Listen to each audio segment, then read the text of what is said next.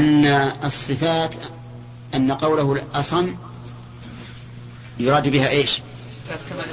إثبات كمال السمع. ما في الصمم. يعني نفي الصمم عنه لكمال سمعه. لا لعدم قبوله للسمع أو لا لعدم قبوله للصمم. كما قال ذلك أهل التعطيل. أهل التعطيل يقول إن الله ليس بأصم لأنه غير قابل للسمع والصمم. كما تقول الجار ليس بأصم. ولكن هذا قول منكر.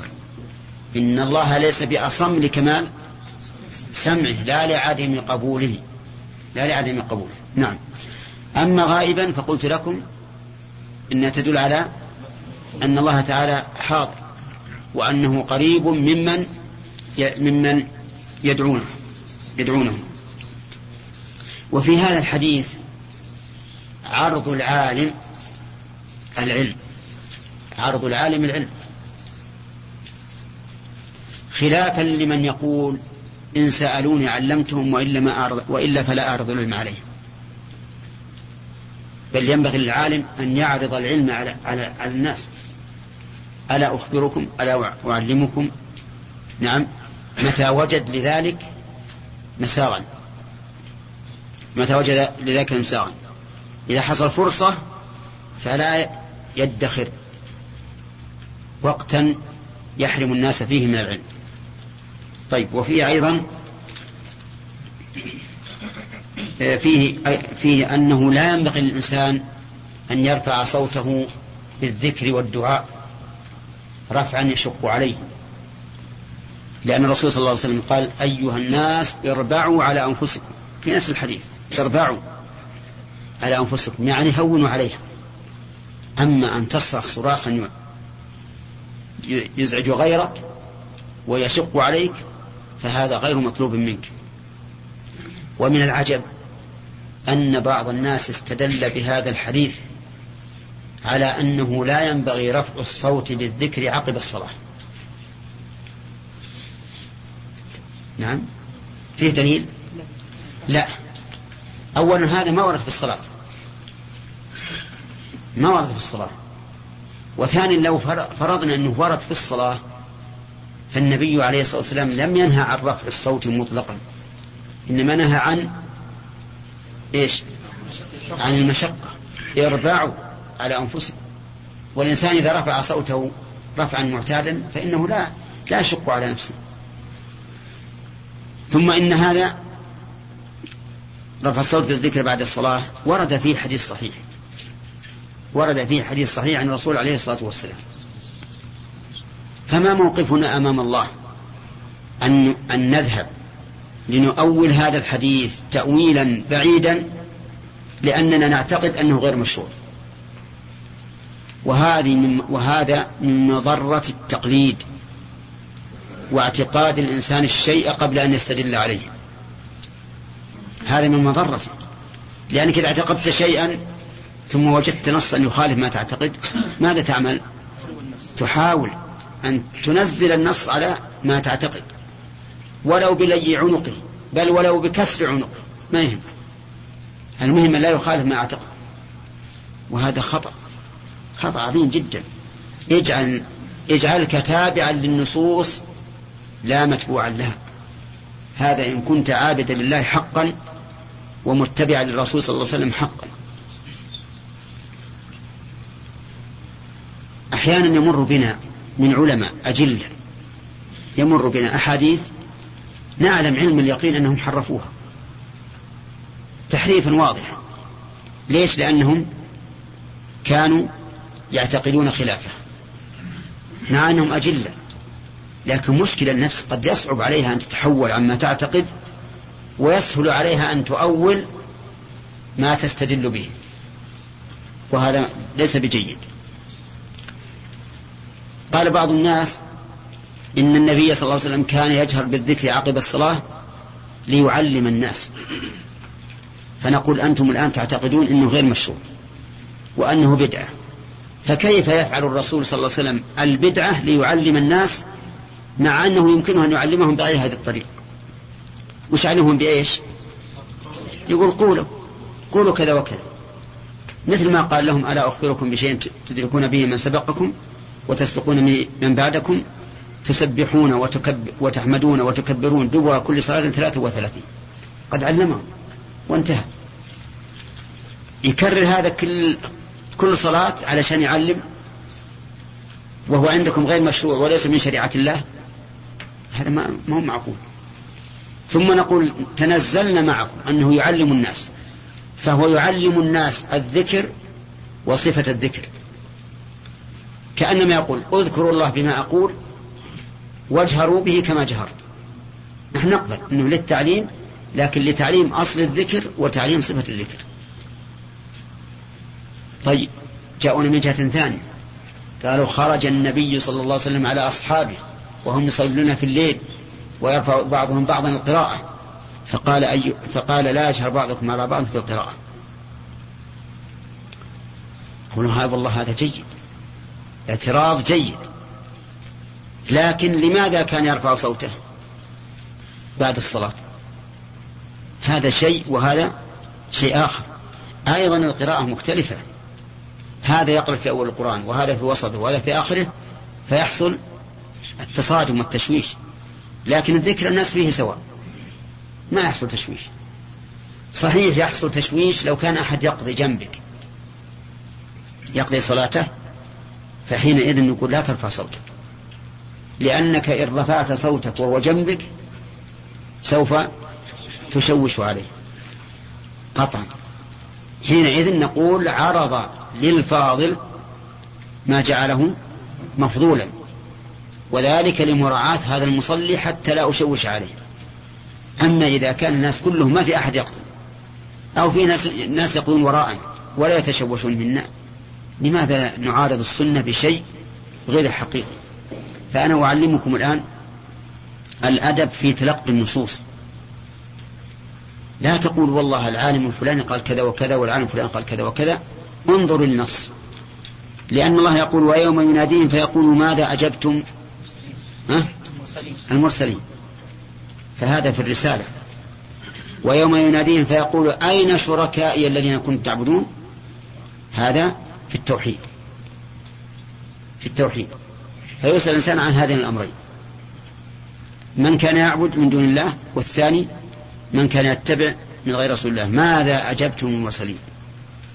فالإنسان يسأل يوم القيامة ماذا أجاب المرسلين؟ لا, ما لا ماذا أجاب فلان وفلان أه، شيخ الإسلام رحمه الله مذهبه إيش؟ حنبلي. لا شك. من الحنابلة. متفق عليه. ومع ذلك يخرج كثيرا عن مذهب الحنابلة إلى المذاهب الأخرى. أحيانا إلى يطلع عن كل المذاهب الأربعة. اتباعا للدليل. اتباعا للدليل. له مسائل متعددة انفرد بها عن المذاهب الأربعة. لا عن إجماع الأمة لا. لكن انفرد بها عن المذاهب الأربعة لأنه رجل يتبع الدليل وإن كان على مذهب الحنابلة. فالحاصل إن إني أقول الواجب عليكم أن, أن تتبعوا النص. وإذا رأيتم بعض أهل العلم تأوله فادعوا له بالمغفرة. ادعوا له بالمغفرة. ولا تجعلوا خطأه خطأ لكم. لأنكم لن تحاسبوا على فهمه. إنما تحاسبون على فهمكم أنتم وعلى علمكم أنتم. نعم.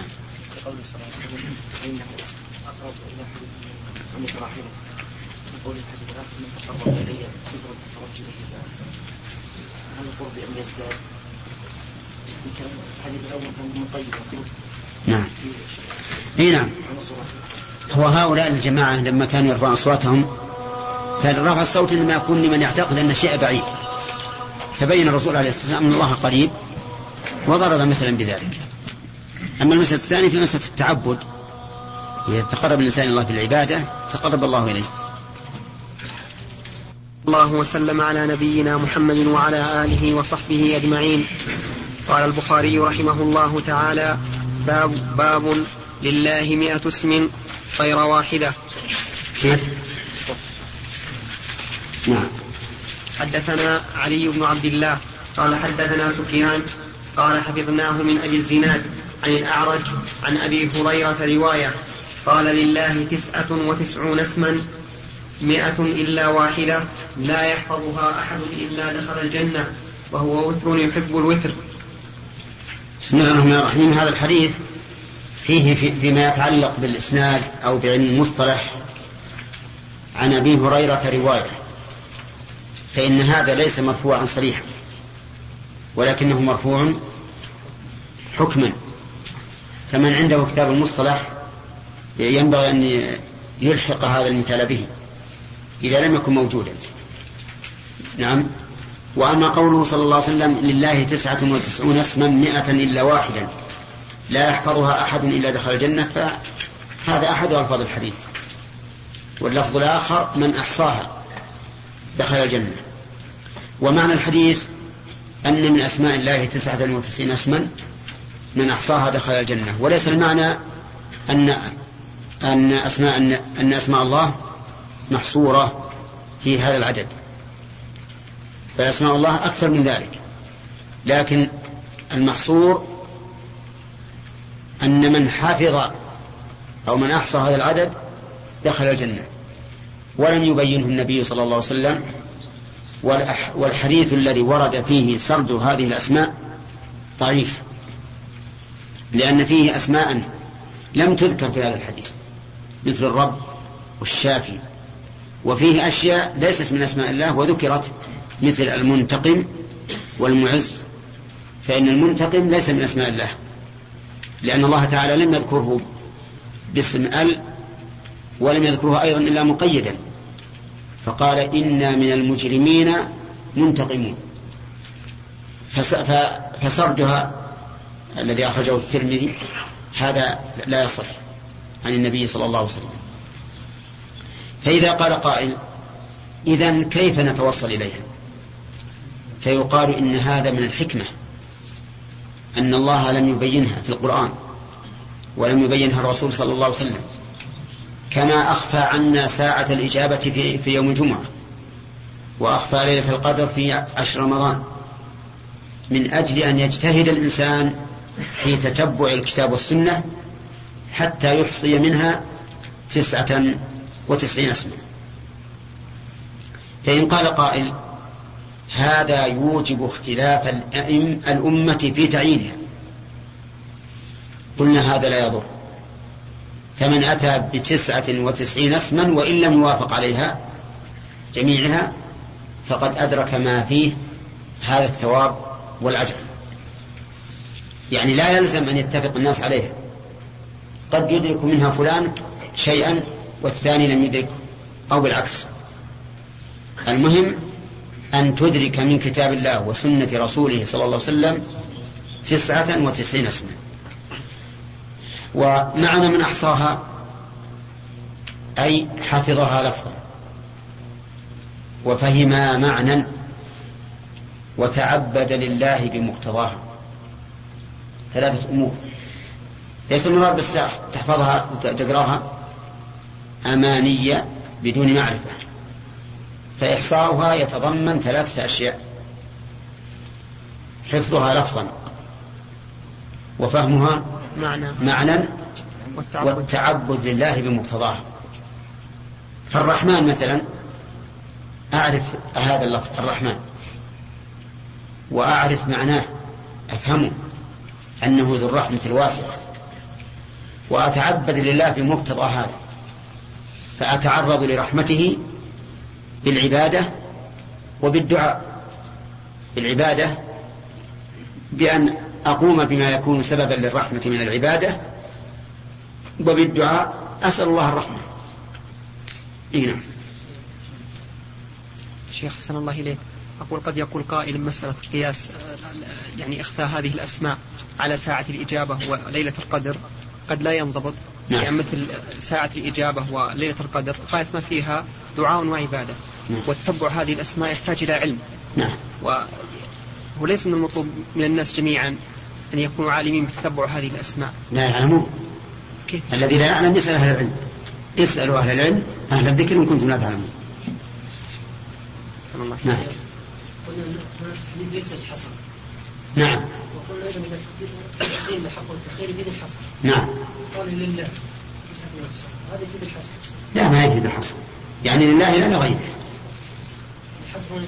لله. لا لغيره. نعم.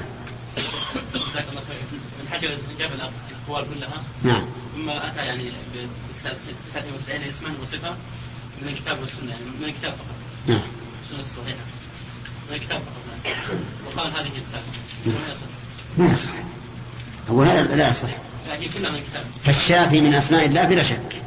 قال النبي عليه الصلاة والسلام أنت الشافي وليس هذا في القران ذكرها ابن حجر؟ ما أدري عنه ذكره ولا لا؟ الكلام على أنه يعني اللي حاول أن يجدها في القران فقط ويغفل ما جاء في السنة خطأ.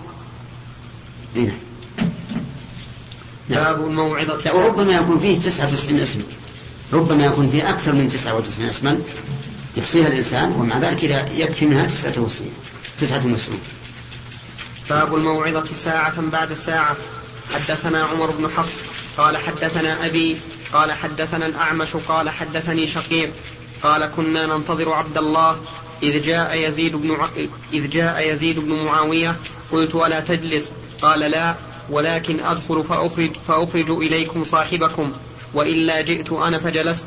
فخرج عبد الله وهو آخذ بيده فقام علينا فقال أما إني أما إني أخبر بمكانكم ولكنه أخبروا أخبروا ما عندي بضم أوله؟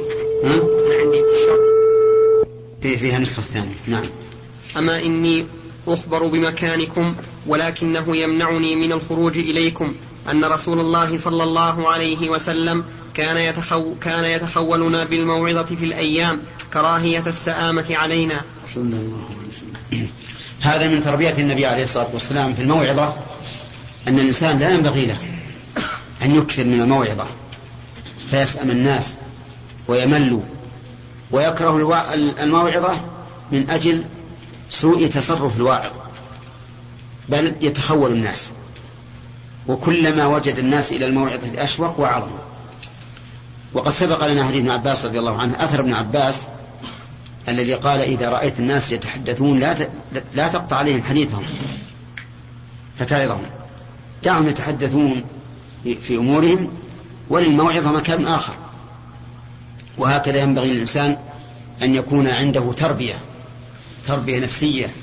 إذا وجد الناس نفوسهم نفوسهم مستعدة حينئذ يحسن الكلام. نعم.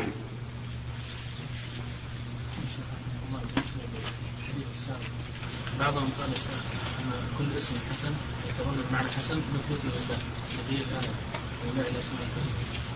هذا يصح عند من؟ بمن نزل الحسن؟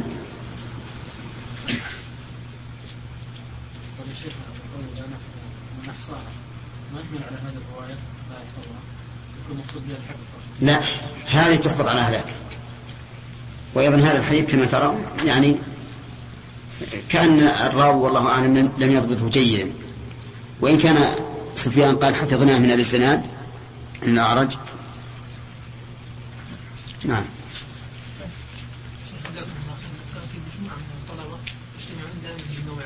يعني بين بعضهم البعض. فهل هذا أيضا يقال له؟ يعني دائما مثلا لا هو إذا إذا كان باختيارهم ما في السآمة إذا كان باختيارهم ما في السآمة هم يحبون هذا. إي نعم. ذكرناه. ذكرنا من أسماء الله في تعليقنا على القواعد الحسنى كتاب الرقاق. نعم. باب ما جاء في الرقاق. وأن لا عيش إلا عيش الآخرة. حدثنا المكي بن إبراهيم قال أخبرنا قال الرقاق يعني ما يرقق القلب ويلينه. وذلك أن القلب قد يقسو بالمعاصي وكثرة الغفلة فيحتاج إلى شيء يرققه. النصوص التي توجب رقة القلب يسميها العلماء الرقاق. الرقاق لأنها ترقق القلب وتلينه. نعم. حدثنا المكي بن إبراهيم قال أخبرنا عبد الله بن سعيد وهو ابن أبي هند عن أبيه عن ابن عباس رضي الله عنهما قال قال النبي صلى الله عليه وسلم نعمتان مغبون فيهما كثير من الناس الصحة والفراغ. وقال عباس العنبري حدثنا صفوان بن عيسى عن عبد الله بن سعيد بن أبي هند عن أبيه سمعت ابن عباس عن النبي صلى الله عليه وسلم مثله. الله أكبر. صدق الرسول عليه الصلاة والسلام. إن هاتين النعمتين لمغبون فيهما كثير من الناس. الصحة والفراغ. فإن أكثر الناس قد أضاعهما. فإن كثيرا من الناس قد أضاعهما. تمضي عليه الأيام الطويلة وهو صحيح البدن. فارغ وتضيع عليه. وهذا غبن بلا شك. ولا يعرف هذا الغبن إلا إذا مرض. يقول كيف لم أفعل كذا في أيام صحتي؟ كيف راحت علي الأيام؟ ويتبين له الغبن. كذلك الفراغ. صار ما عنده الشغل رزقه يأتيه على عتبة بابه لا يحتاج إلى طلبه رحمك الله. ثم إذا به ينشغل في طلب الرزق أو في غيره فحينئذ يذكر أنه مغبون فيما سبق حيث لم يعمل في وقت ذلك الفراغ. ولهذا قال الرسول عليه الصلاة والسلام مغبون فيهما كثير من الناس. وأفاد الحديث أن من الناس من لا إيش؟ من لا يغبن فيهما. وهؤلاء هم أهل الحزم والعزم الذين يقدرون الأمور ويعرفونها ويعرفون أن الوقت أسرع مما يتصورون. فكم من إنسان يستبطئ الأجل فإذا به قد حل؟ وكم من إنسان يستبطئ زوال النعمة فإذا به قد زالت؟ يكون صحيح البدن يقول متى أكون شيخا أعجز عن العمل؟ فإذا هو فإذا هو به يصاب بآفة تمنعه من العمل. وهكذا الدنيا لا تأمنها. لا تأمن الدنيا. لذلك يجب على الإنسان أن يكون حازما. كما قال الرسول عليه الصلاة خذ من صحتك لمرضك ومن حياتك لموتك.